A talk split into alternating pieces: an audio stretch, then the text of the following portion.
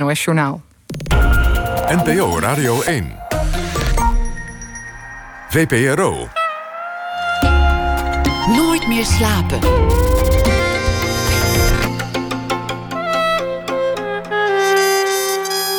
Met Pieter van der Wielen. Goedenacht en welkom bij Nooit meer slapen. Ineens 16 jaar geleden was daar een man, een deelnemer aan de schrijfcursus. En voor ze het wist stond schrijver Nicoline Misé met een verrekijker en een tekenblok vogels te bestuderen. Het zou lang duren voor ze zou toegeven best goed te zijn geworden in dat vogelen, want daar kun je goed in worden. En de man in kwestie is inmiddels haar man, al geruime tijd. En Misé heeft een eigen vogelboek geschreven. Dat zijn dus al drie dingen die ze in het bestaan nooit heeft zien aankomen. De man allereerst, het vogelen en het vogelboek. Is toch mooi dat het leven vol verrassingen zit.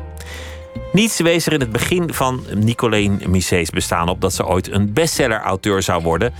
En dat is ze wel geworden. Moord op de moestuin, een soort Agatha Christie, werd twee jaar geleden een groot succes. Ze debuteerde al in het jaar 2000 met Voor God en de Sociale Dienst, waarin ze putte uit haar ervaringen met de bijstand. Verder heeft ze een heel oeuvre bij elkaar geschreven, onder meer over haar jeugd in het eh, boek De Halfbroer.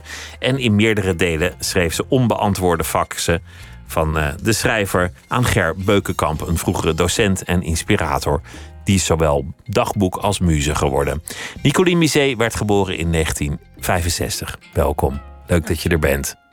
Leuk je weer te ontvangen. Ja, de, de, vorige keer hadden we geloof ik een heel ongemakkelijk gesprek. Dat had iedereen toen heel leuk gevonden.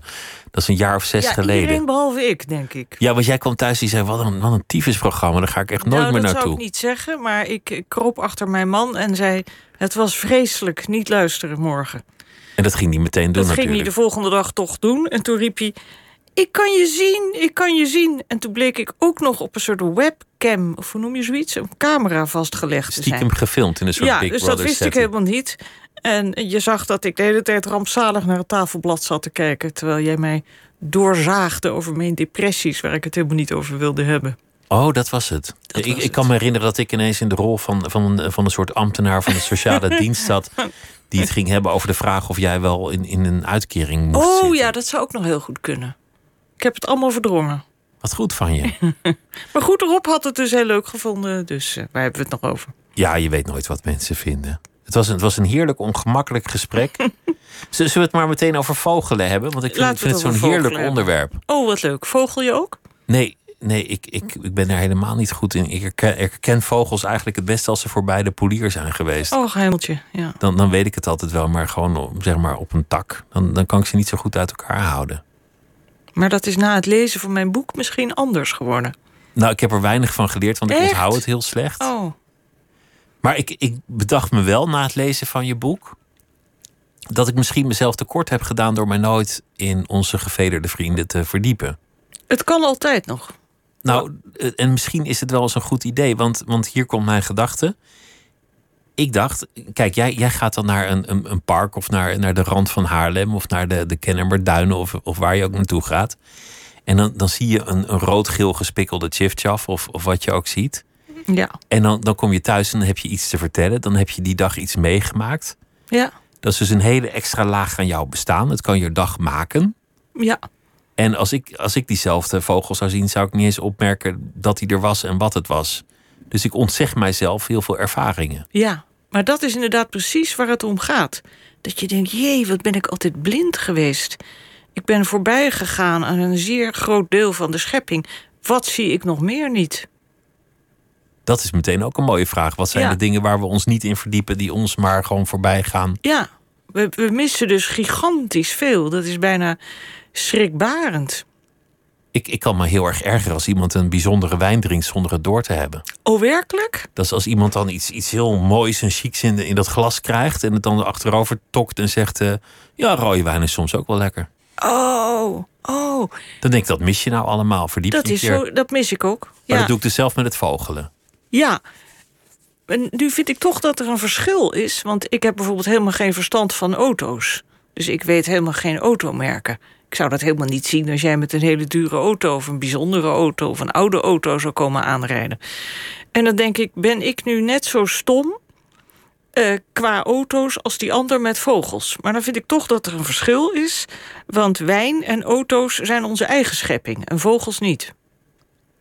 Ja, ja de, de natuur helpt wel een beetje mee aan de schepping van de wijn, zou je kunnen zeggen. Ja. Bij de auto is dat zeer disputabel, Ja. maar in zekere zin staat daarmee de vogel zelf. gelijk aan ons, want die is ook van, van de schepping. Ja, precies. En, en de rest komt uit onze handen, dus dat is dat, Dat, is maken dan we zelf. Dat vind ik eigenlijk niet helemaal tellen.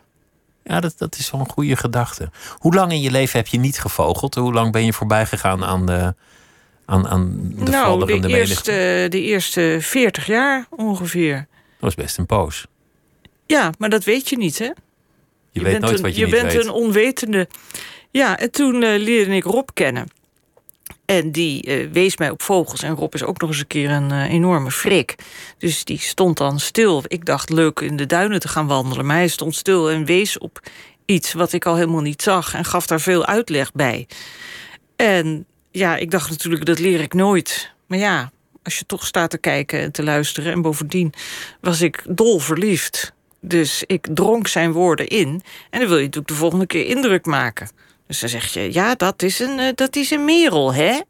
Nou, en eh, zo ging dat. En stilaan leer je toch heel wat vogels kennen. Wa- Was dat de eerste date meteen? Dat vogelen? Ja, dat, eh, je weet wat vogel in het Vlaams betekent, hè? Is, is dat iets schunnigs? Heel schunnig. Het plegen van de geslachtsdaad. Ja, Noemen ze dat Ik dacht ze dat poepen noemden in, in, eh, in Vlaanderen. Oh, misschien ook wel. Maar de vogelen, nou ja, vind Ja, vogelen. nog wel leuk. Eh, nou, Rob die zat bij Dus mij... jullie hebben op je eerste date gevogeld. We hebben op de eerste date hebben we gevogeld. Hij wilde mij, eh, hij wilde mij de, de wilde zwanen in de duinen laten zien. Rob was een leerling. Ik gaf toen nog schrijfles. En hij was een van mijn leerlingen. En na de tiende les was de cursus voorbij. En ik kwam een beetje droevig thuis. Ik woonde alleen en het is altijd moeilijk om afscheid te nemen van een klasje. En ik vond Rob van Dam een hele bijzondere man. En ja, ik zette de computer nog maar even aan. En toen was er een mail van hem. En hij schreef, eh, die wilde zwanen bestaan echt. Zal ik je die een keer laten zien? Dus ik schreef, eh, ja, graag. En een week later gingen wij de waterleidingduinen in. En het was vreselijk koud. Het was 6 januari, dat weet ik nog heel goed. En het was koud en nat. En eh, ja, waar moeten we het nou de hele tijd over hebben? Nou ging dat redelijk goed. En die wilde zwanen zagen we ook nog. Dus dat was een groot succes. Ja, ik zag natuurlijk een soort ganzen. Ik zag er niks eh, zwaanachtigs in. En toen hebben we geloof ik ook nog krooneenden gezien. Maar dat eh, verzin ik misschien nu. Maar dat was dus de eerste afspraak. Is een fantastisch idee voor een date. Want dates zijn natuurlijk eigenlijk verschrikkelijk. Omdat het eh, soms uitdraait op een soort sollicitatiegesprek. Nou ja, ik En dan kijk, gaan mensen tegenover elkaar zitten. dat en is een ramp. elkaar aanloeren en vragen stellen. Dus je, je moet gewoon samen erop uit en samen de wereld inkijken. Zij aan zij, niet tegenover elkaar. Nee, dat zei Khalil Gibran ook al. Wie was dat ook alweer? Khalil Gibran, de, de profeet. Kijk niet elkaar aan, maar ga, kijk naast elkaar De wereld in. de wereld in, zoiets. Ja. Nou, daar heeft hij, daar heeft Nou, het is ook maar net als eh, samen de afwas doen of samen in een auto zitten. Dat is natuurlijk allemaal veel makkelijker dan dat rare bespotten elkaar, elkaar in de ogen kijken. Wat wij nu doen. Ja, dat is in een interviewsetting. Het viel mij laatst op op een kunstbeurs dat volgens mij veel oudere kunstverzamelaars nog met hun eerste vrouw zijn. En daar had ik een aantal verklaringen voor bedacht. Eén verklaring, het is misschien helemaal niet waar. Tweede verklaring, die hebben nog geld. Want, want als je een paar keer gescheiden bent, dan kan je geen kunst meer verzamelen. Want dan moet je alimentatie betalen en advocaten. Maar ook dat, die kijken samen de wereld in. Die hebben iets om niet de hele dag naar elkaar te loeren. Die gaan erop uit om kunst te verzamelen. Ja, maar hoe, hoe weet jij dat ze nog eh, dat het de eerste partner was? Dat meende ik te zien. Ja, ja, ja. Omdat, omdat rijke mannen die bij eh, partner 6 zijn, die hebben dan vaak een, op een gegeven moment een heel wat jongere partner. Ja, dat is waar. Ja. Maar ik zei al, misschien is het helemaal niet waar trouwens. Nou, het zou heel goed kunnen. Je ziet dat ook wel eens in Binnenste Buiten. Dan eh, dat programma, dan heb je een, een echtpaar en die knappen samen een huis op. En die zijn dan als bezetenen bezig om een, een, een trap in oude staat te brengen. Of eh, zoiets te doen. En denk ik, ja, dat is natuurlijk heel leuk. Daar kun je de hele tijd samen bezig zijn. En zo kijken Rob en ik inderdaad vogels. Had je ooit gedacht dat er nog een Rob zou komen in je leven? Nee, totaal niet. Wat had je dan gedacht? Nou, niks. Altijd alleen blijven. Dat, dat was niet alleen het plan, maar ook de verwachting. Ja, daar was ik werkelijk heilig van overtuigd. Dacht je dat je op mannen viel? Nee, ook wel niet. Dus, dus Rob kwam echt helemaal uit de hemel gevallen. Ja, ik begreep ook helemaal niet dat ik verliefd op hem was. Ik, eh, op een gegeven moment tijdens de vijfde les was hij er niet. En toen dacht ik, ja, ben ik nou opgelucht of vind ik het jammer? Bovendien dacht ik dat hij getrouwd was. En blijkbaar was ik zo ongelooflijk keurig dat de hele gedachte dat je dan toch verliefd op iemand kan worden niet in me opkwam. En toen de zesde of zevende les eh, was ik wat eerder en een, een man, andere leerling, die vroeg: eh, Zeg Nicolien, ben jij nou uh, lesbisch of hetero? Dus ik zei: Nou, Johan, ik heb zeven jaar een vriend gehad en zeven jaar een vriendin. En jij? Ja, nee, nee, alleen zeg. Nee, heel tegen mijn zin. En Rob was er ook. Dus ik zei: En Rob, jij getrouwd? Nee, zei hij, gescheiden. En volgens mij zei hij toen zeer tegen mijn zin. Maar hij beweert dat hij dat onmogelijk gezegd kan hebben. En toen voelde ik mij al niet meer zo op mijn gemak. Dus in de pauze durfde ik eigenlijk niet meer naast hem te gaan zitten. En uh, toen dacht ik, waarom durf ik nou niet meer naast die man te gaan zitten? En toen dacht ik, ja, dan denkt hij misschien dat ik wat van hem wil. En toen dacht ik, maar waarom denk ik dat? En pas een week later drong tot mij door, omdat ik ook inderdaad wat van hem wil. En wat dat was, dat wist ik eerlijk gezegd niet. Dus je vluchtte een beetje weg voor die spanning, omdat het je hele levensverhaal, zoals je het voor je uitzag, denderen, misschien op losse schroeven zetten? Want je dacht, ergens is het ook wel fijn, het comfort van de gedachte dat ik altijd alleen zal zijn? Eh, nee, ik geloof niet dat ik dat een hele aantrekkelijke gedachte vond. Maar het was gewoon zoals het was. En ineens sta je te vogelen. Ineens sta je te vogelen. Maar je bent met hem vogelaar geworden. Ja, nou, dat kan ik eigenlijk niet zeggen. We, gingen dan, uh, ja, we wandelen gewoon veel en dan kijk je vogels. En op een gegeven moment denk je, nou ja, zal ik dan ook maar een kijker aanschaffen? En uh, ik dacht, ja, ik, ik, eh, zal ik ze dan maar gaan natekenen? Dat ben ik blijkbaar al heel snel gaan doen. En na drie jaar dacht ik, het is een, een, hopeloze onderneming. Ik weet nog steeds helemaal niks. Want weet je wat het ook is? Die vogels, je hebt natuurlijk standvogels, die wonen in Nederland, net als wij. Maar je hebt ook trekvogels, en die gaan weer weg. Die zijn op doorreis. Die zijn op doorreis. Die weten niet eens dat ze in Nederland zijn. Die, die zijn dan weer in Egypte en dan zijn ze in België en dan komen ze hier. En dan zien wij ze weer langskomen. En het heeft heel lang geduurd voordat het tot me doordrong... dat dat niet Nederlandse vogels zijn die in de winter naar Egypte gaan... maar dat dat grenzeloze vogels zijn. En dat wij ze zien langskomen. Maar ik was die vogels dan weer helemaal vergeten. En, en dan had je de, de, de oeverloper, ik zeg maar wat. En dan dacht ik, oh god, wat is dat nou weer? Wat is dat nou weer? En dan was ik hem weer kwijt. En na drie jaar dacht ik, uh, ik geef het op en ik leer het nooit. En toen liep ik een keer met Ger door een van de Amsterdamse park. En ik liep iets te vertellen en toen zei ik... Uh, kijk, boom, uh, boomklever. Wat, hè? Ik zei, boomklever, daar, blauw, oranje. Nou, hij zag niet eens een vogel. En toen dacht ik, nou, ik heb toch wel wat geleerd. En Ger diep onder de indruk. De Ger. De ger. De ger van de faxen. En een vogel en een ger samen in een park. Zon overgoten. Ja. En toen ontdekte ik, nou, dan kan ik wel zeggen... nee, ik weet er eigenlijk niks van. Maar dat, zeggen, dat zegt iedereen die ergens verstand van heeft. Of zeg jij, ik weet heel veel van wijn? Nou, heel veel. Ik weet er genoeg van, denk ik. Oké, nou ja, zie je. Heel veel. Maar ja, dan kan je ook weer in kringen komen... waar je natuurlijk totaal een peutertje bent. Ja. ja, maar goed, ik weet wat ik moet weten. Oké. Zo kan je, je moet jezelf eigenlijk nooit aan anderen meten in dingen, toch? Dat, dat vind ik een slechte gewoonte. Oké, ja, daar ontkomen we toch niet helemaal aan. Want ik weet bijvoorbeeld meer van vogels dan jij. Nou ja, samen zijn we, zijn we al best een heel eind op, op, op vele gebieden dan, dan toch. Je, je kan ook goed tekenen, want je was, je was de gast bij dat programma Brommer in Zee. En toen zei Wilfried de Jong van, van dat hij die tekeningen niet goed vond. Maar dat, dat was ik nou eens niet met hem eens. Nou, dat doet me plezier. Want, want ik vind dat je ze nog best precies kan tekenen, die vogels. Ja, nou, ik, ja, ik teken ze na. Hè? Ik teken ze niet in het, eh, in het vrije veld met mijn schetsblok. En mijn kwast achter mijn oor. Ik, ik zoek het dus in een gidsje op. En dan teken ik het na.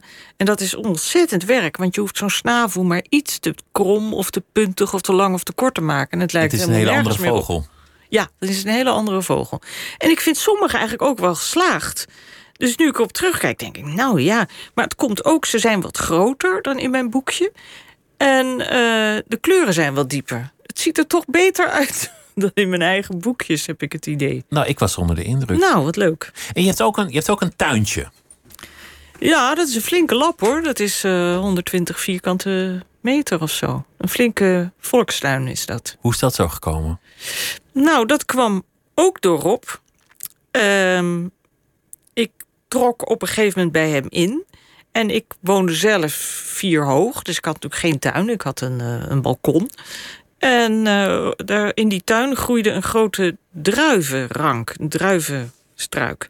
En ik zei, wat leuk. En uh, wat doe je ermee? Nou, niks. Die, worden, die druiven worden door de vogels opgegeten.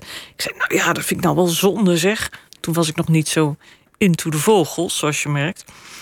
En toen ben ik die druiven gaan plukken en daar heb ik jam van gemaakt. En daar was ik zo enthousiast over. Want koken had ik tot die tijd namelijk ook helemaal nooit gedaan. Want waarom zou je koken als je alleen bent? En toen dacht ik, uh, ja, je hebt natuurlijk nog veel meer bessen en, en pruimen. En, uh, dus ik kocht drie blauwe bessenstruiken. Want ik had in de krant gelezen... een blauwe bessenstruik in de tuin is een apotheek aan huis. Ik dacht, dat moeten we hebben. Dus ik kocht drie blauwe bessenstruiken.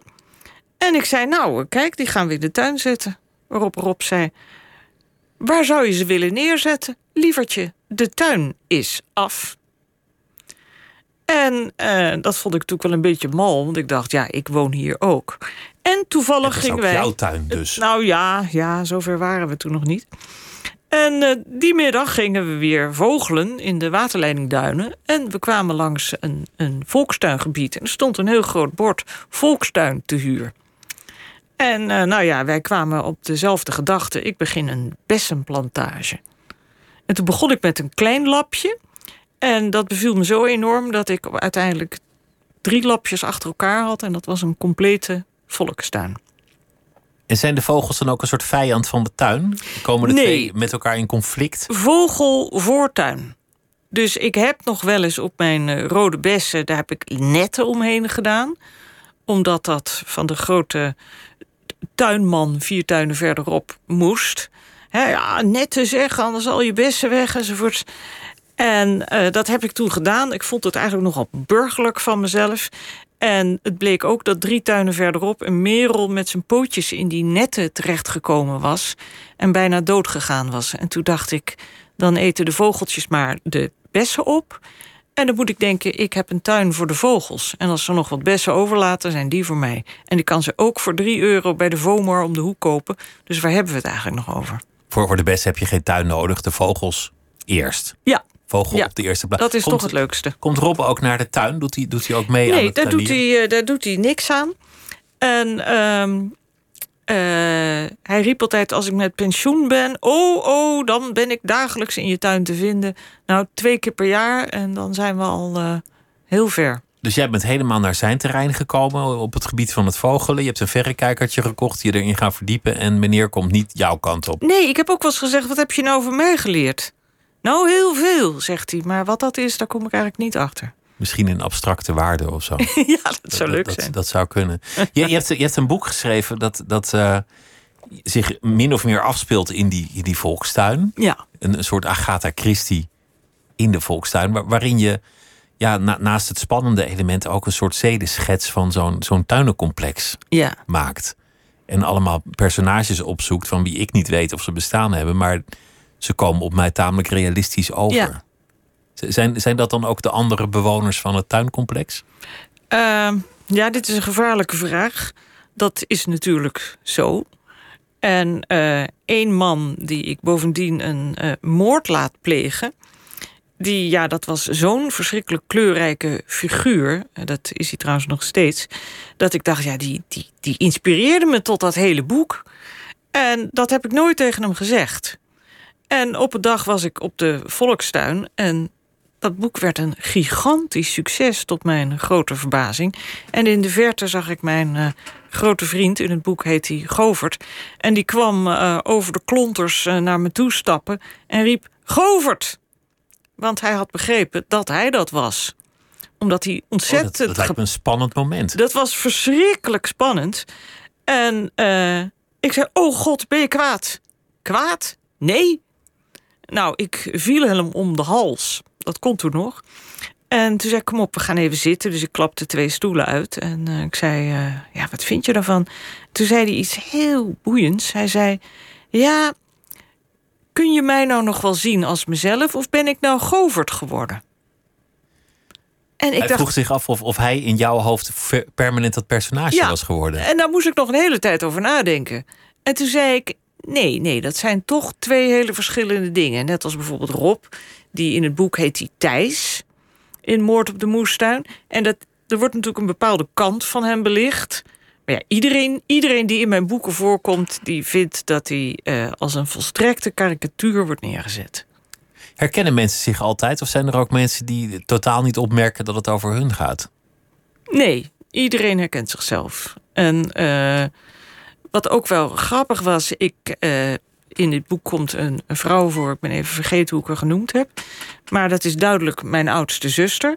En mijn oudste zuster die is zeer geïnteresseerd in kabouters. Die is ook altijd in de weer met kabouters.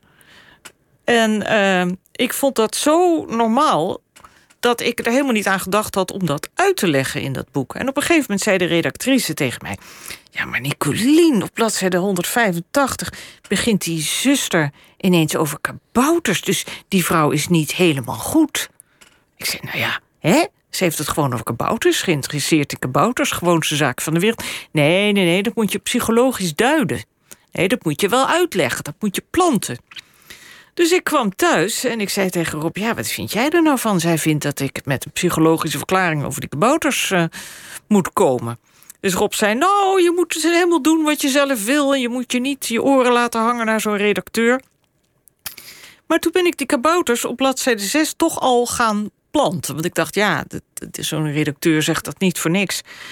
En dus die kabouters kwamen regelmatig terug. Nou ja, ik geloof dat het een van de redenen is dat het boek zo'n verkoopsucces geworden is.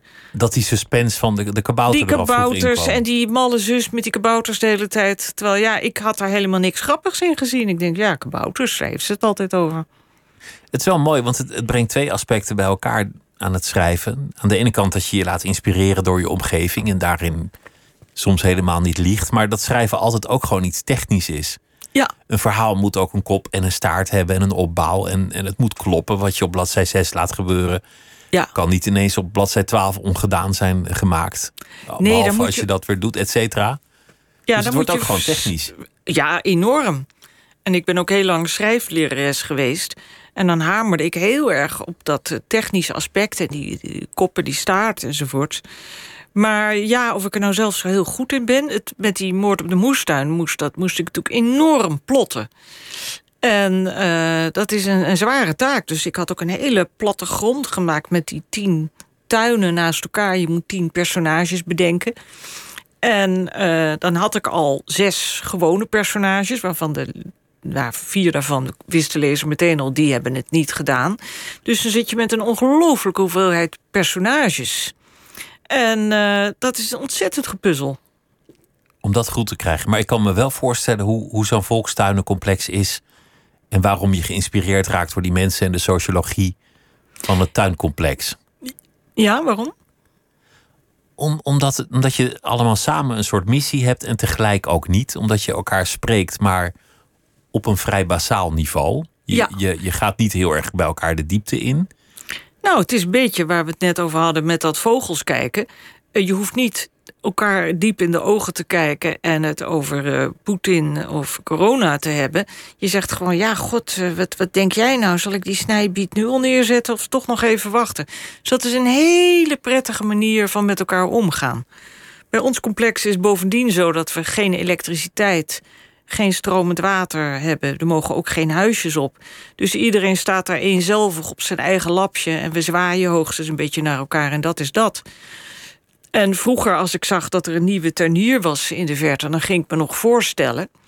Maar ja, dat is heel gevaarlijk... want sommige mensen willen dan steeds maar een praatje komen maken. Terwijl ik daar natuurlijk niet altijd zin in heb. En hoe kwam er dan een moord in? Hoe kan je dan die omgeving eens een, een plaatsdelict maken? Omdat die, uh, toen ik de eerste keer op die tuin kwam... Uh, stond die man, die ik dus later Govert heb genoemd... heel diep te spitten. Die man heeft eigenlijk een tuin omdat hij wil spitten. Die is dag in dag uit het hele jaar rond bijna aan het spitten. En die stond tot zijn heupen in de spitveur, zoals dat heet. Ik dacht, het is net of die man zijn eigen graf staat te graven. Nou ja, dan gaat men... En dan gaat het brein aan. Ja, en zeker als je natuurlijk van Agatha Christie houdt... kom je al licht op de gedachte om dat verhaal er maar af te maken. Het is een enorm succes geworden en, en dat maakt jou een bestseller-auteur. Ja. Had je eigenlijk in je leven ooit gedacht dat je, dat je zo op je plaats zou vallen? Dat, dat je maatschappelijk nog eens in het licht zou komen te staan? Nee, helemaal niet. Nee, echt helemaal niet. En dat heeft ook een paar jaar geduurd voordat ik uh, daar een beetje in ben gaan durven geloven. Ook nadat het succes kwam, duurde het nog. Ja, want je, loopt, je loopt natuurlijk altijd achter. Eerst beschouwde ik het bijna als een soort grap. Terwijl ik later wel eens had gedacht: ja, als je schrijver wordt, dan stel je natuurlijk eigenlijk altijd maar voor dat je in een boekwinkel komt en dat daar stapels van jouw boeken liggen. Je denkt niet: nou, ik word schrijver om geen bestseller te schrijven en om uh, elke drie jaar een beurs bij het Letterenfonds aan te vragen en te hopen dat je het haalt tot je AOW. Maar dat is natuurlijk wel zoals het meestal gaat. En nu was het echt zo. Dus ik liep een, een ACO-boekwinkel in. Nou, ik lag gewoon op de eerste plaats.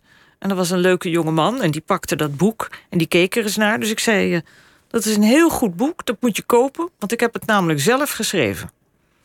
En ik draaide het ook om en hij zag ook de foto, foto dat ik dat was. Nou, hij begon heel zenuwachtig te lachen en hij liep weg. En uh, hij heeft het boek geloof ik nooit gekocht. Maar ik vond dat natuurlijk ontzettend grappig. Want, want daar lig je dan ineens. Heb je dan, want de vorige keer kwam ik in een soort rol van, van god, ik weet niet waar dat dan over ging, ambtenaar van de sociale dienst of zo. Heb je inmiddels meer belasting betaald dan dat je ooit bijstand hebt ontvangen? Nee, ik heb het uitgerekend. Ik kom een eind. Je hebt het uitgerekend? Ja, tuurlijk. Je wilde dat toch weten? Ik wilde dat weten, want ik dacht als iemand me ooit nog voor de voeten gaat gooien van uh, uitkering, vreten van onze centen, dan kan ik misschien ooit nog zeggen: nee hoor, ik heb het helemaal terugbetaald. Maar, maar ik ben er nog niet. Dus nog, nog een paar bestsellers en dan kan ja, je dat. Ja, ik moet er nog een paar uh, zeggen van nou ja, break-even point, ja, uh, dames ja, leuk, en heren.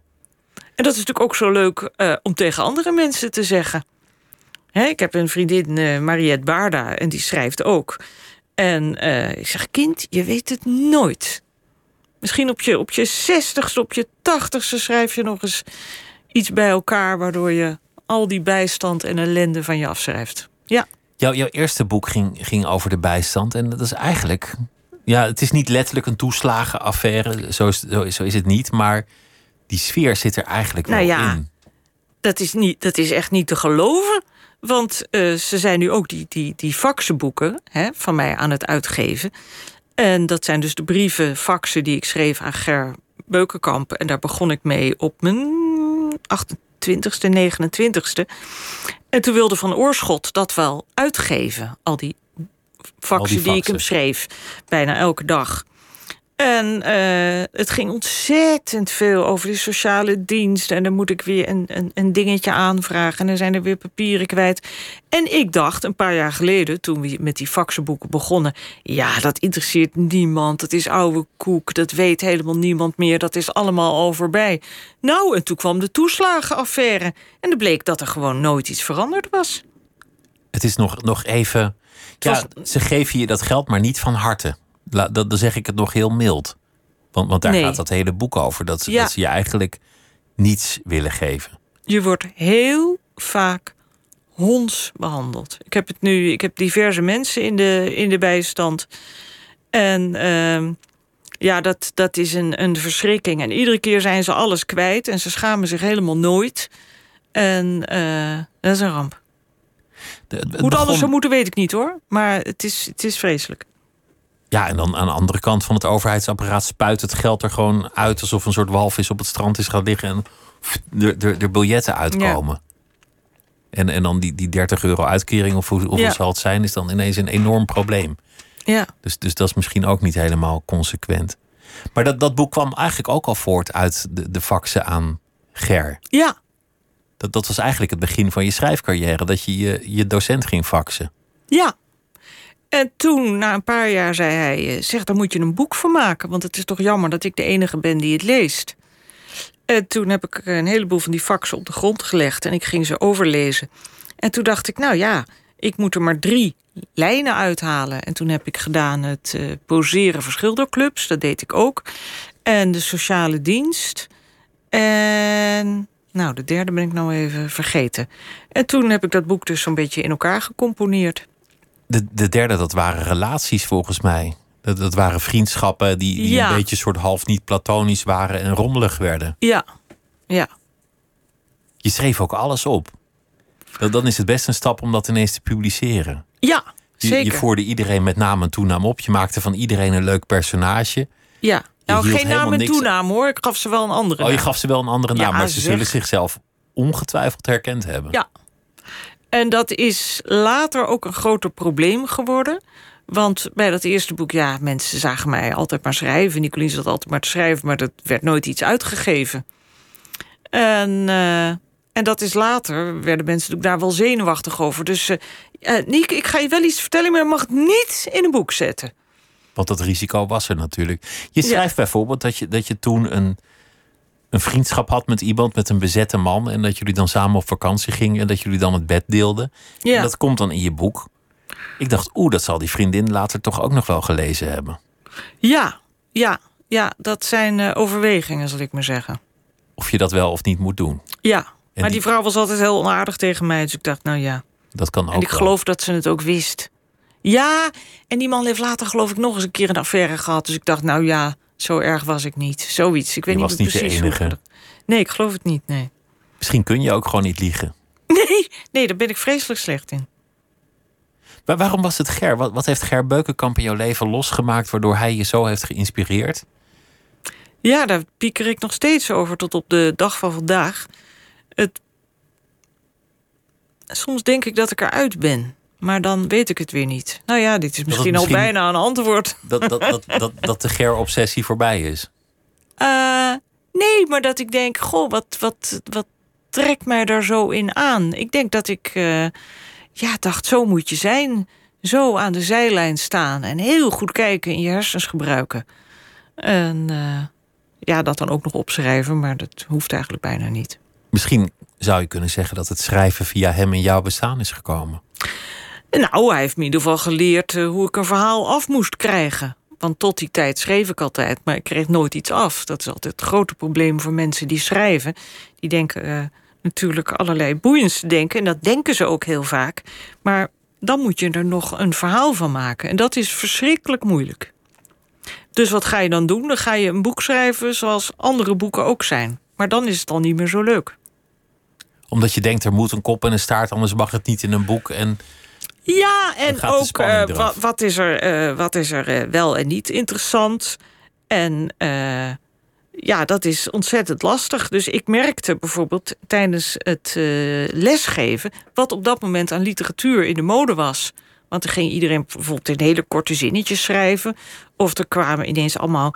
ja, uh, het ging allemaal over heel raar inbreken in een leegstaand hotel. En dan heb je seks op een vloer.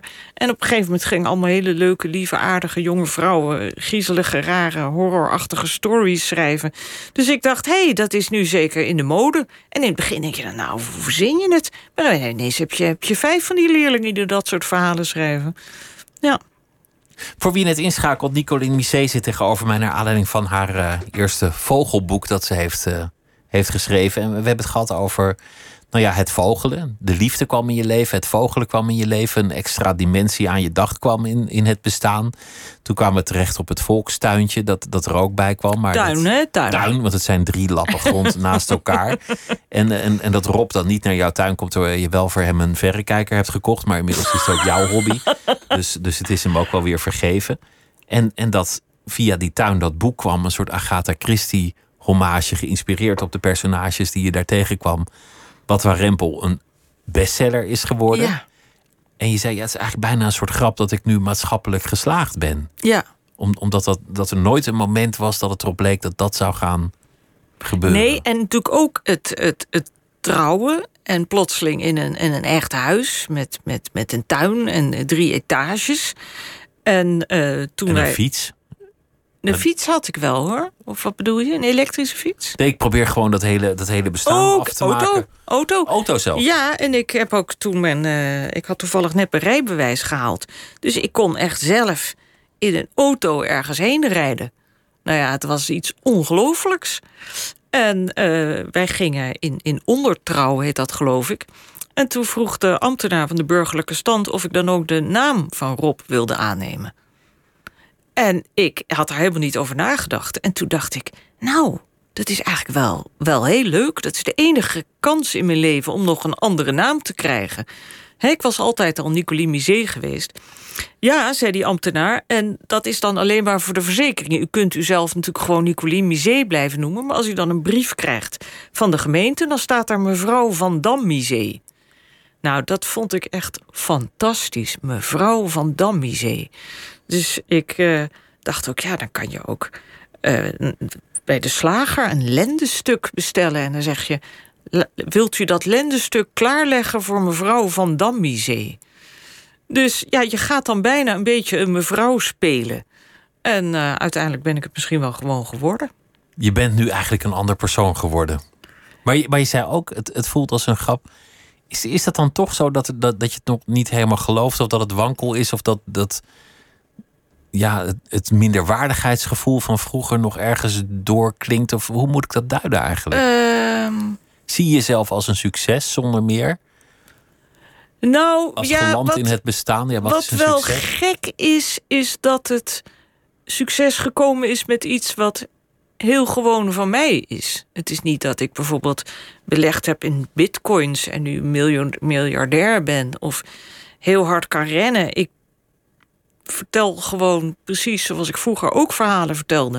Er is eigenlijk niks veranderd. Er is helemaal niks veranderd. En ja, wat, het is misschien een beetje kinderachtig, maar eerst mocht ik niet en nou mag ik wel.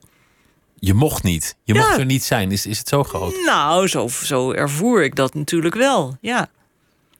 Ik had geen baan, ik had geen partner. Ik, ik scharrelde met die, met die uitkering. Ik had natuurlijk heel veel vrienden en vriendinnen... die allemaal reuze arrivé waren. En die hadden, dus die waren, hun levens waren een heel andere kant op gegaan dan het mijne. En dan dacht ik, ja, dan moet ik toch maar mijn best doen om heel leuk te zijn. En als ik ergens ga eten, eh, ja, geld voor bloemen, dat had ik eigenlijk niet. Bloemen zijn namelijk heel duur. En je kan ook niet elke keer bonbons of wijn meenemen, ook redelijk duur. Dus je wilt natuurlijk toch een beetje leuk zijn.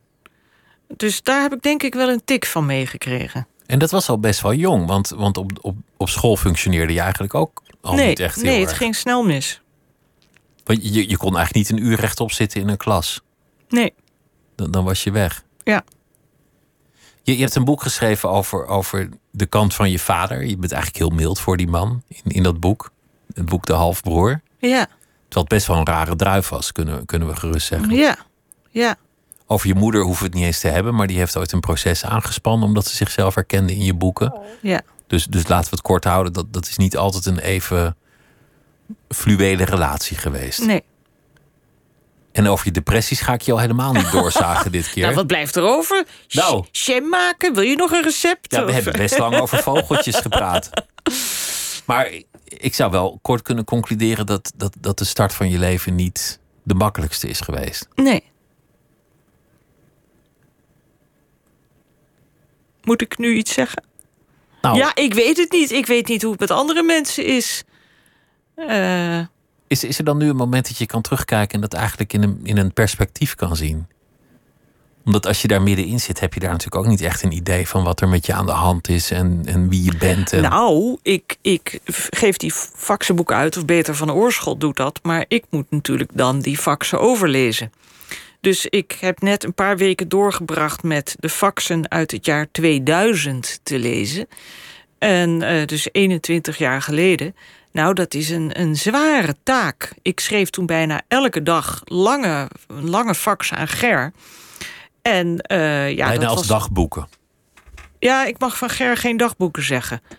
En er waren natuurlijk een heleboel dingen waar ik niet over schreef, omdat ik dacht dat vindt hij helemaal niet boeiend. Dus een heleboel vriendinnen van ja, mijn vriendinnen die hadden bijvoorbeeld allemaal affaires en ze kregen allemaal kinderen.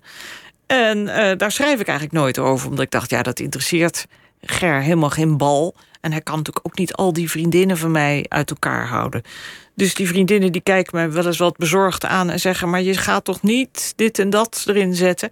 En dan zeg ik: Nee, want daar schreef ik helemaal nooit over. Hè, ik paste mij natuurlijk aan aan wat ik dacht dat Ger interessant zou vinden. En Ger reageerde nooit en, en heeft Nee. eigenlijk heel weinig feedback gegeven. Ja. Die zag jou misschien als een stalker of iets. Ja, dat zag je zeker in het begin. Maar op een gegeven moment in het jaar 2000 begin je toch te merken nu. ehm, ik bedoel nu in 2000, want daar ben ik nu qua faxen lezen. Dat hij het toch wel erg leuk vindt. En dat hij eigenlijk ook veel liever en aardiger is voor mij eh, dan ik me herinner. Dus ik denk, jeetje, ik heb hem toch wel zwaar gevallen altijd. Van nou, en dan heb je weer niet gereageerd. En nu denk ik, goh, hij was er toch eigenlijk altijd wel. Maar Want je, je schrijft om de zoveel faxen, geven ze een levensteken. ja, Roer je eens, laat eens wat horen. Ja. Nou, na, na, na zeven, acht jaar eh, heb ik toch wel eens een aanzichtkaart van hem gekregen. Nou, die eh, prikte ik natuurlijk meteen op het prikbord. Was ik dan heel erg eh, blij mee. En op een gegeven moment raakte de fax ook in ongebruik. Ja, ja, de zijne ging kapot. En toen waren we intussen in het computertijdperk aangekomen. Dus toen ben ik het maar als bijlages bij de mail gaan sturen. Je, je hebt een, een, een boek geschreven wat, wat toen je eerste roman sinds jaren was. En dat was de reden dat we elkaar de vorige keer spraken. En toen had je het over de geschiedenis van je halfbroer. Van Ja. wie niemand had verteld dat het je halfbroer was. Nee, Jullie dachten nog even verliefd te worden. En toen ineens jaren later bleek dat het, dat het maar goed was dat dat niet tot een huwelijk was gekomen. ja. Is, is als je daar dan over schrijft, het op een gegeven moment ook gewoon technisch? Dat, dat je Nou. denkt, ja, ik ga een boek maken en, en dan moet dit hier Nou, dat beginnen. was en- technisch een heel moeilijk boek. Ik had toen jaren en jaren niet geschreven. En Vic van der Rijt, de toenmalige De uitgever. eh, uitgever bij eh, Van Oorschot... die, ja, daar ging ik een keer een borreltje mee drinken... en ik vertelde hem dat krankzinnige verhaal over mijn halfbroer. En die riep, oh, oh, dat moet je schrijven, dat moet je schrijven. En de titel is De Halfbroer. En ik heb jaren en jaren aan het boek zitten ploeteren en het, het, het, het lukte me helemaal niet. En toen dacht ik, als ik nou op les was bij mezelf. En ik zou aan mij zeggen, Nicolien, ik kom er niet uit. Wat zou ik dan zeggen als lerares? En toen had ik werkelijk direct het antwoord. En dat antwoord was, ja, het overkomt je allemaal. Ik kreeg te horen dat ik een, dat Paul mijn halfbroer was. Dus je was eigenlijk een personage zonder sterke wil. Passief. Juist, goed zo. Geen grote wil. En de grote wil is de stuwende kracht in de roman. En toen dacht ik, ja, dan moet ik maar iets anders verzinnen... wat ik, de ik-persoon, wil. En toen dacht ik, nou, weet je wat, ik maak er een liefdesgeschiedenis van. En dan speelt die, die hele halfbroergeschiedenis... een beetje op de, op de achtergrond. Dus daar is ook gewoon de fictie er flink ingekropen. Nou nee, want ik eh, werd in, dat, eh, in die tijd... was ik ook heel erg verliefd geworden op Rob. En eh, Andere Rob. nee, deze. Of deze Rob. op De- de- deze man. Deze Rob. Nee, daar is er maar één van. En ehm, wat ook ontzettend gek was. ja, en toen dacht ik, nou ja, dan kan ik dat wel zo'n beetje spiegelen. Ook liefde, en dat is dan een liefdesgeschiedenis van vroeger. En dat doe ik dan, zo, zo brei ik dat eh, aan elkaar. En voor jou was het dus helemaal niet zo emotioneel uiteindelijk toen je met het boek bezig was om, om je hele jeugd om te keren. Nee, want eh, daar had ik natuurlijk al heel veel eh, over geschreven aan Ger en over gepraat. Maar wat ik wel ben gaan denken later, dat eh, het is later toch tot me doorgedrongen hoe ongelooflijk gek het was. En wat een reusachtig bedrog die hele halfbroergeschiedenis is geweest. Dat je vader niet gewoon heeft verteld jongens en Nou, meisjes. ik denk dat mijn vader het werkelijk niet wist. Mijn vader was een, eh, een eh, aparte figuur. En die dacht gewoon, als je met een vrouw bevriend bent... dan spring je daarmee in bed. Dat was voor hem heel gewoon. En eh, ik denk dat hij bij zijn dood helemaal niet wist... dat Paul zijn, eh, zijn zoon was. Dat hij dat nooit geweten zou ik hebben. denk dat hij het niet weet, maar dat zullen wij nooit weten. Want op een dag werd Paul een soort van toebedeeld. Die kwam bij jullie logeren. Ja. Ja, En, En wij hadden vaker mensen in de huis. hand. We hadden vaker mensen in huis en we, we verhuurden ook eh, etages. Wij hadden altijd heel veel mensen in huis. Wat overigens ontzettend leuk was. Ik heb later ja, van Rob die vertelde, hij zei bij ons thuis er kwam nooit iemand binnen. kwam nooit iemand. Ja, mijn, mijn, mijn ouders en mijn broer en zusje, er kwam nooit iemand. Nou, bij ons was het altijd, liep iedereen in en uit. Mijn moeder gaf pianolessen en we hadden mensen in huis. En, dus dat was ontzettend leuk.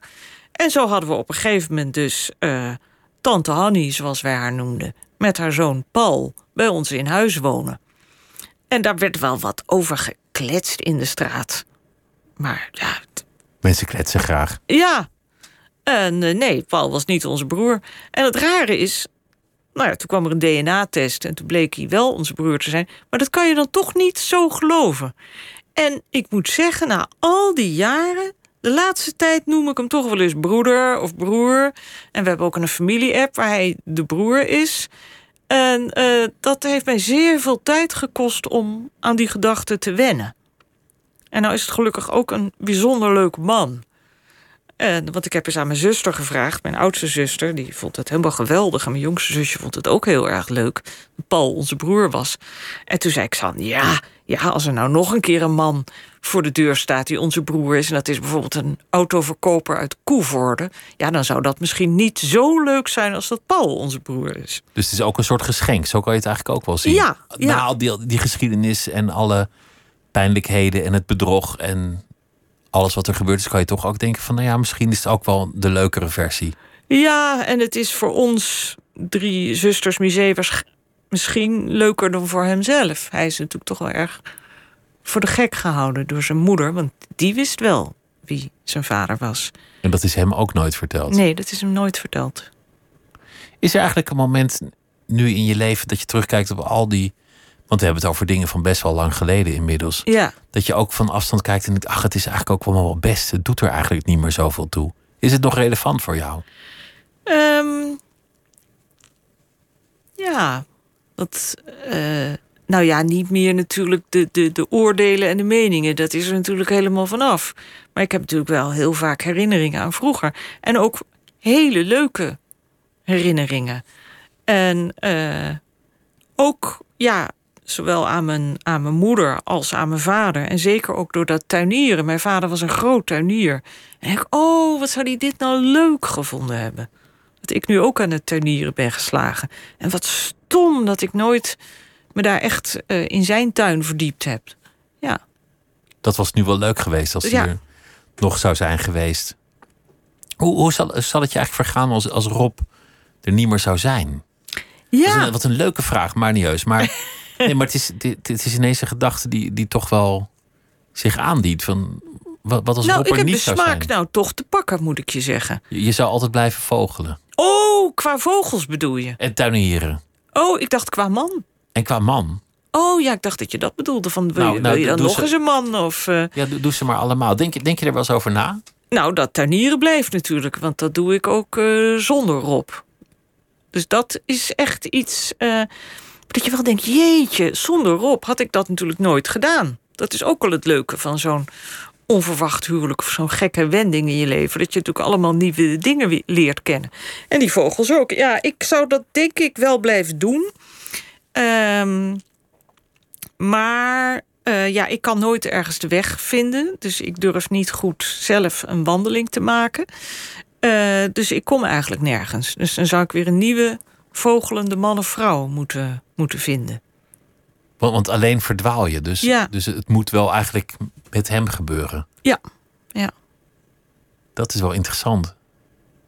Daar, daar, zit, daar zit dus toch nog iets in waarvan je zegt: ja, dat kan ik niet. Het is niet dat je, dat je met alles almachtig bent geworden. Nou, ehm, dat, eh, kijk, ik kon natuurlijk ook niet autorijden. Dat heb ik ook geleerd. En ik kon ook nergens heen rijden, want ik reed rondjes. Ik kon natuurlijk niet de weg vinden. En toen is de TomTom uitgevonden. En toen lag de wereld voor mij open. En zoals je weet, of misschien niet weet, kreeg Rob na ons huwelijk na drie weken al een hartaanval. En toen moest ik hem in het ziekenhuis gaan opzoeken. Maar ja, ik kwam natuurlijk nooit in dat ziekenhuis terecht. En toen heeft de vriendin gezegd, want ik verdwaalde de hele tijd. En eh, toen heeft de vriendin gezegd, dan moet je een TomTom kopen. Dus als ik nou een wandeltomtom zou kunnen krijgen... dan zou ik natuurlijk erop uit kunnen trekken in mijn eentje... om de vogels te kijken. Die- maar die ik er weet ook nog wel komen. niet of ik dat zou doen. Dat, weet ik niet. Dat zit eigenlijk ook in het, in het, eh, in het moord in het tuin eh, boek. Dat meteen iemand een hartaanval krijgt en, en als een soort, soort plant. Ja, dat heb ik gebruikt. Ja. Je hebt, je hebt dat meteen gebruikt ook in het boek. Ja. Dat, dat grote dramatische Ja. gegeven. Ja, omdat ik dacht dat is, dat is leuk. Want hoe krijg ik nou mijn hoofdpersonen, eh, laten we zeggen, acht weken, tien weken in een buitenhuis? Wat is daar de reden voor? Dat doen mensen natuurlijk niet meer zo. En toen dacht ik, nou, dan kan ik mooi die hartaanval gebruiken. En dan zegt eh, de zuster van de ik-persoon, mijn zuster, hij moet aansterken in de natuur. In een mooi buitenhuis. Dus dat vond ik natuurlijk een heel leuk gegeven. Dus zo kon ik al die mensen in dat buitenhuis in de natuur krijgen. Weet je wat ik grappig vind? Als jij vertelt van ik kan natuurlijk niet navigeren. Dan is mijn natuurlijke neiging om te zeggen... Natuurlijk kan je wel navigeren. Wat is dat nou? Ja, dan, word je, dan word je weer die ambtenaar dan van word de ik sociale weer die dienst. ambtenaar van de sociale dienst. Dat is een, eigenlijk een heel vervelende gewoonte om als iemand zegt dat kan ik niet zo goed, om meteen te zeggen: Ach joh, waarom kan je dat nou niet? Dat is eigenlijk, eigenlijk is dat heel naar gedrag. Ja, dat is ook heel erg naar gedrag. En eh, daarom houden heel veel mensen die iets niet kunnen... daar hun mond over. En gaan dan een uitvlucht zoeken of, of het Nou, het vermijden. is, het is veel erger. Eh, ze gaan zelf ook denken dat het blijkbaar niet meer bestaat. Of eh, dat het niet mag dat je een tekort dat het hebt. niet mag. Ze zijn zo. Dat, nou, de mensen met de toeslagen. Je loopt zo met je neus tegen de muur. Niemand gelooft je. Iedereen zegt: Nou, nou, nou, dan zou je toch zelf ook wel iets verkeerd hebben gedaan. Of nou ja, het is ook niet zo vanzelfsprekend dat je altijd maar eh, geld krijgt van de staat enzovoort. Nou, en dan ga je denken dat het aan jou ligt. Dus, dus eigenlijk is de charme van Rob en waarom het zo goed werkt tussen jullie dat hij. Kan navigeren. Nou, dat hij kan navigeren en accepteert dat jij daar moeite mee hebt en daar verder niet een ongelooflijk punt van maakt, maar gewoon zegt: Nou, dan help ik je wel. Nee, dat kan hij vreemd genoeg niet. Na 15 jaar denkt hij nog steeds dat ik dit nog ga leren. Dus dan zitten wij in Oh, de dus hij is auto. geen haar beter. Hij, is- hij is er nee, ook zo een. nee in, in dit opzicht is hij geen haar beter. En dan zegt hij, kijk lieverd, en dan zie je dat we daar... dan nemen we de A2 of de A6. En eh, eerst heb ik dat een aantal jaar geprobeerd uit te leggen. Nee, nee, dit gaat echt nooit beter worden. En op een gegeven moment dacht ik, ik ga maar gewoon ja en amen zeggen. Het lukt niet. En op een dag komt er een wijze neuroloog en die vindt iets in de hersenen Ja, waardoor je een soort dyslexie hebt en dat het gewoon is dat jij een Nou, dat is, dat is nou een heel goed voorbeeld. En dan Met dat dyslexie, dan gingen we toch die arme kinderen Die gingen we slaan. slaan. Die werden geslagen. Ja, of links Want jij- jij, schrijft slordige rammen, weet Ja. je wel? En op, op een dag blijkt het allemaal gewoon te mogen. En dan mag je Ik gewoon denk natuurlijk bij niet mezelf... kunnen navigeren. Ja, ik denk natuurlijk ook, goh, zijn er nou dingen waarvan ik niet geloof dat iemand het niet kan? Eh wijs houden, misschien, bij het zingen. En ook je zinnen afmaken. Daar kan ik echt heel kwaad van worden. Denk Als ik, hè, mensen hun zinnen niet afmaken. Ja. Ja. Dan denk ik, hè, Maak die zin even af. maak die zin even af. Ja. Oh, wat grappig. Oh, dus Ja. jij, jij, jij bent ook niet vrij van ergernissen. Nee, nee, nee. Oh, dat is wel mooi. Maar volgens mij was dat wat de vorige keer in ons gesprek dan, dan ook ineens het zo lekker ongemakkelijk maakte. Dat, dat jij zei van ik kan niet werken. En dat ik zei, ja, wat is het nou, waarom kan je niet werken? Ja, ik eh, was een keertje bij Boeken met Jeroen van Kan. En die zeiden, oh, geloof ik, ook iets van... eh, nou ja, maar eh, sociale status, nou ja, dat, dat maakt toch niet uit of zo... dat je nou geld hebt. En toen zei ik, dat maakt alles uit. En dat werd later opgepikt door iemand die daar een, eh, ook nog een stuk over heeft geschreven. En toen dacht ik, jeetje, ja, iemand die altijd maar gewend is te werken... en zijn eigen geld te verdienen... die heeft werkelijk geen benul wat daar allemaal is als je aan geen geld hebt. Nee. En dat je, dat je eigenlijk, zoals je net zei, misschien wel niet mag bestaan. Of dat je een tweederangs burger Ja, bent. absoluut tweederangsburger. Of, of dat, er, dat er sociaal allemaal hindernissen worden opgeworpen. Om, omdat je dan geen fles wijn mee kan nemen. Of een, Ja, of een bos ja, bloemen. Of, ja. of dat soort dingen. En je wil er ook niet over praten, want je denkt ook, ja, ik mag niet zeuren en ik moet ook nog heel dankbaar zijn, want oh, oh, oh, er zijn zoveel landen waar je eh, ligt te verhongeren in de goot. Ja, dat is, eh, dat is een ramp. En jij dacht dat je nooit in de samenleving zou passen. En nu ben, nu ben je een vooraanstaande burger van, van de gemeente Haarlem. En, en doe je helemaal mee. Ja, Dat is toch, toch eigenlijk mooi hoe dat is gelukt door juist bij jezelf te blijven. Want dat is waar het volgens mij op neerkomt. ja dat is iets ongelooflijks. Nog, nog heel even over, over dat vogelen. Heb je nou eigenlijk alle vogels die er in Nederland zijn al een keer gezien dat je weet? Nee, helemaal niet. En ik was dus in uh, Brommer op zee. En toen vroegen, vroegen ze welke vogel ik nog zo graag zou willen zien. En ik zei nou bijvoorbeeld de purperreiger. En diezelfde dag heeft iemand in, uh, in, het, uh, in Friesland geschreven aan de redactie van Brommer op Zee. Wilt u Nicolini Zee doorgeven dat wij hier aan de Slaperdijk vaak purperreigers hebben en ik laat ze haar graag zien? Nou, dat is leuk. Is dat fantastisch, hè? En, dus en ben je, zijn jullie toen meteen naar Friesland genavigeerd met een omweg en, en daar die purperreigers Nee joh, want dat was uh, afgelopen zondag. Dus die mail die had ik uh, twee dagen geleden. En uh, toen heb ik die meneer natuurlijk wel meteen teruggeschreven. En die zei, nou, kom dan over drie weken. Want dan, dan hebben we alle wintergasten. Wintergasten, dat zijn vogels die in de winter naar Nederland komen. Dus dan kunnen we nog wat meer spotten. Leuk, hè? Ja, het, zijn, het is allemaal zo bemoedigend als je dit vertelt. Je vertelt de hele dag dat corona-nieuws en, en, en oh, Omicron en al die paniek. En we mogen dit niet en we moeten dat. En dan, dat we dan ook nog gewoon mensen met een verrekijker vogeltjes zitten te spotten. Ja, en dat kan dat die purperreigers ook allemaal niks schelen. Dat hele Omicron-virus niet. Die purperreigers, die komen wel naar Nederland. Maar ik las ook dat, dat de merelpopulatie gedecimeerd is door een bacterie... waar ik nog nooit van gehoord had. Over virus was dat het. Dat is iets ergs. En dan word je op een, op een ochtend wakker en denk je... ja, maar de lente is al lang in het land, maar ik hoor geen merels meer. Dat is een verschrikking. En het idee dat, wij, dat ik vroeger nog net over de druiven deed... zodat de merels de druiven niet zouden opeten. Nou ja, je zou toch God op je blote knieën willen smeken... om de merels weer terug de tuin in te krijgen. Ik heb een merelgeluidje voor je klaargezet... om, om oh. het gesprek mee af te sluiten.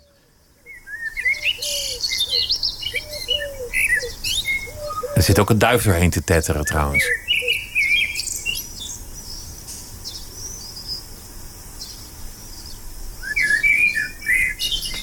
Daar is hij. Prachtig, hè? En dat is het geluid van de lente voor jou. Ja, die komt dan op de schutting zitten. En dan gaat hij zingen. Oh, daar, ik verheug me nu al op de lente. Oh, goed zo. Dankjewel dat je langs wilde komen. Het was een uh, genoeg om met je te praten. Nicoline Misset, dankjewel. En het uh, Vogelboek is vanaf heden te verkrijgen. Dank dat je hier wilde zijn. En dit was uh, Nooit meer slapen voor deze nacht. Morgen dan is niemand minder dan Mart Smeets te gast. En die heeft een boek geschreven over de rare sportzomer van 2021. Zometeen Miss Podcast met Milo Brandt. En ik wens u een hele goede nacht. Tot morgen.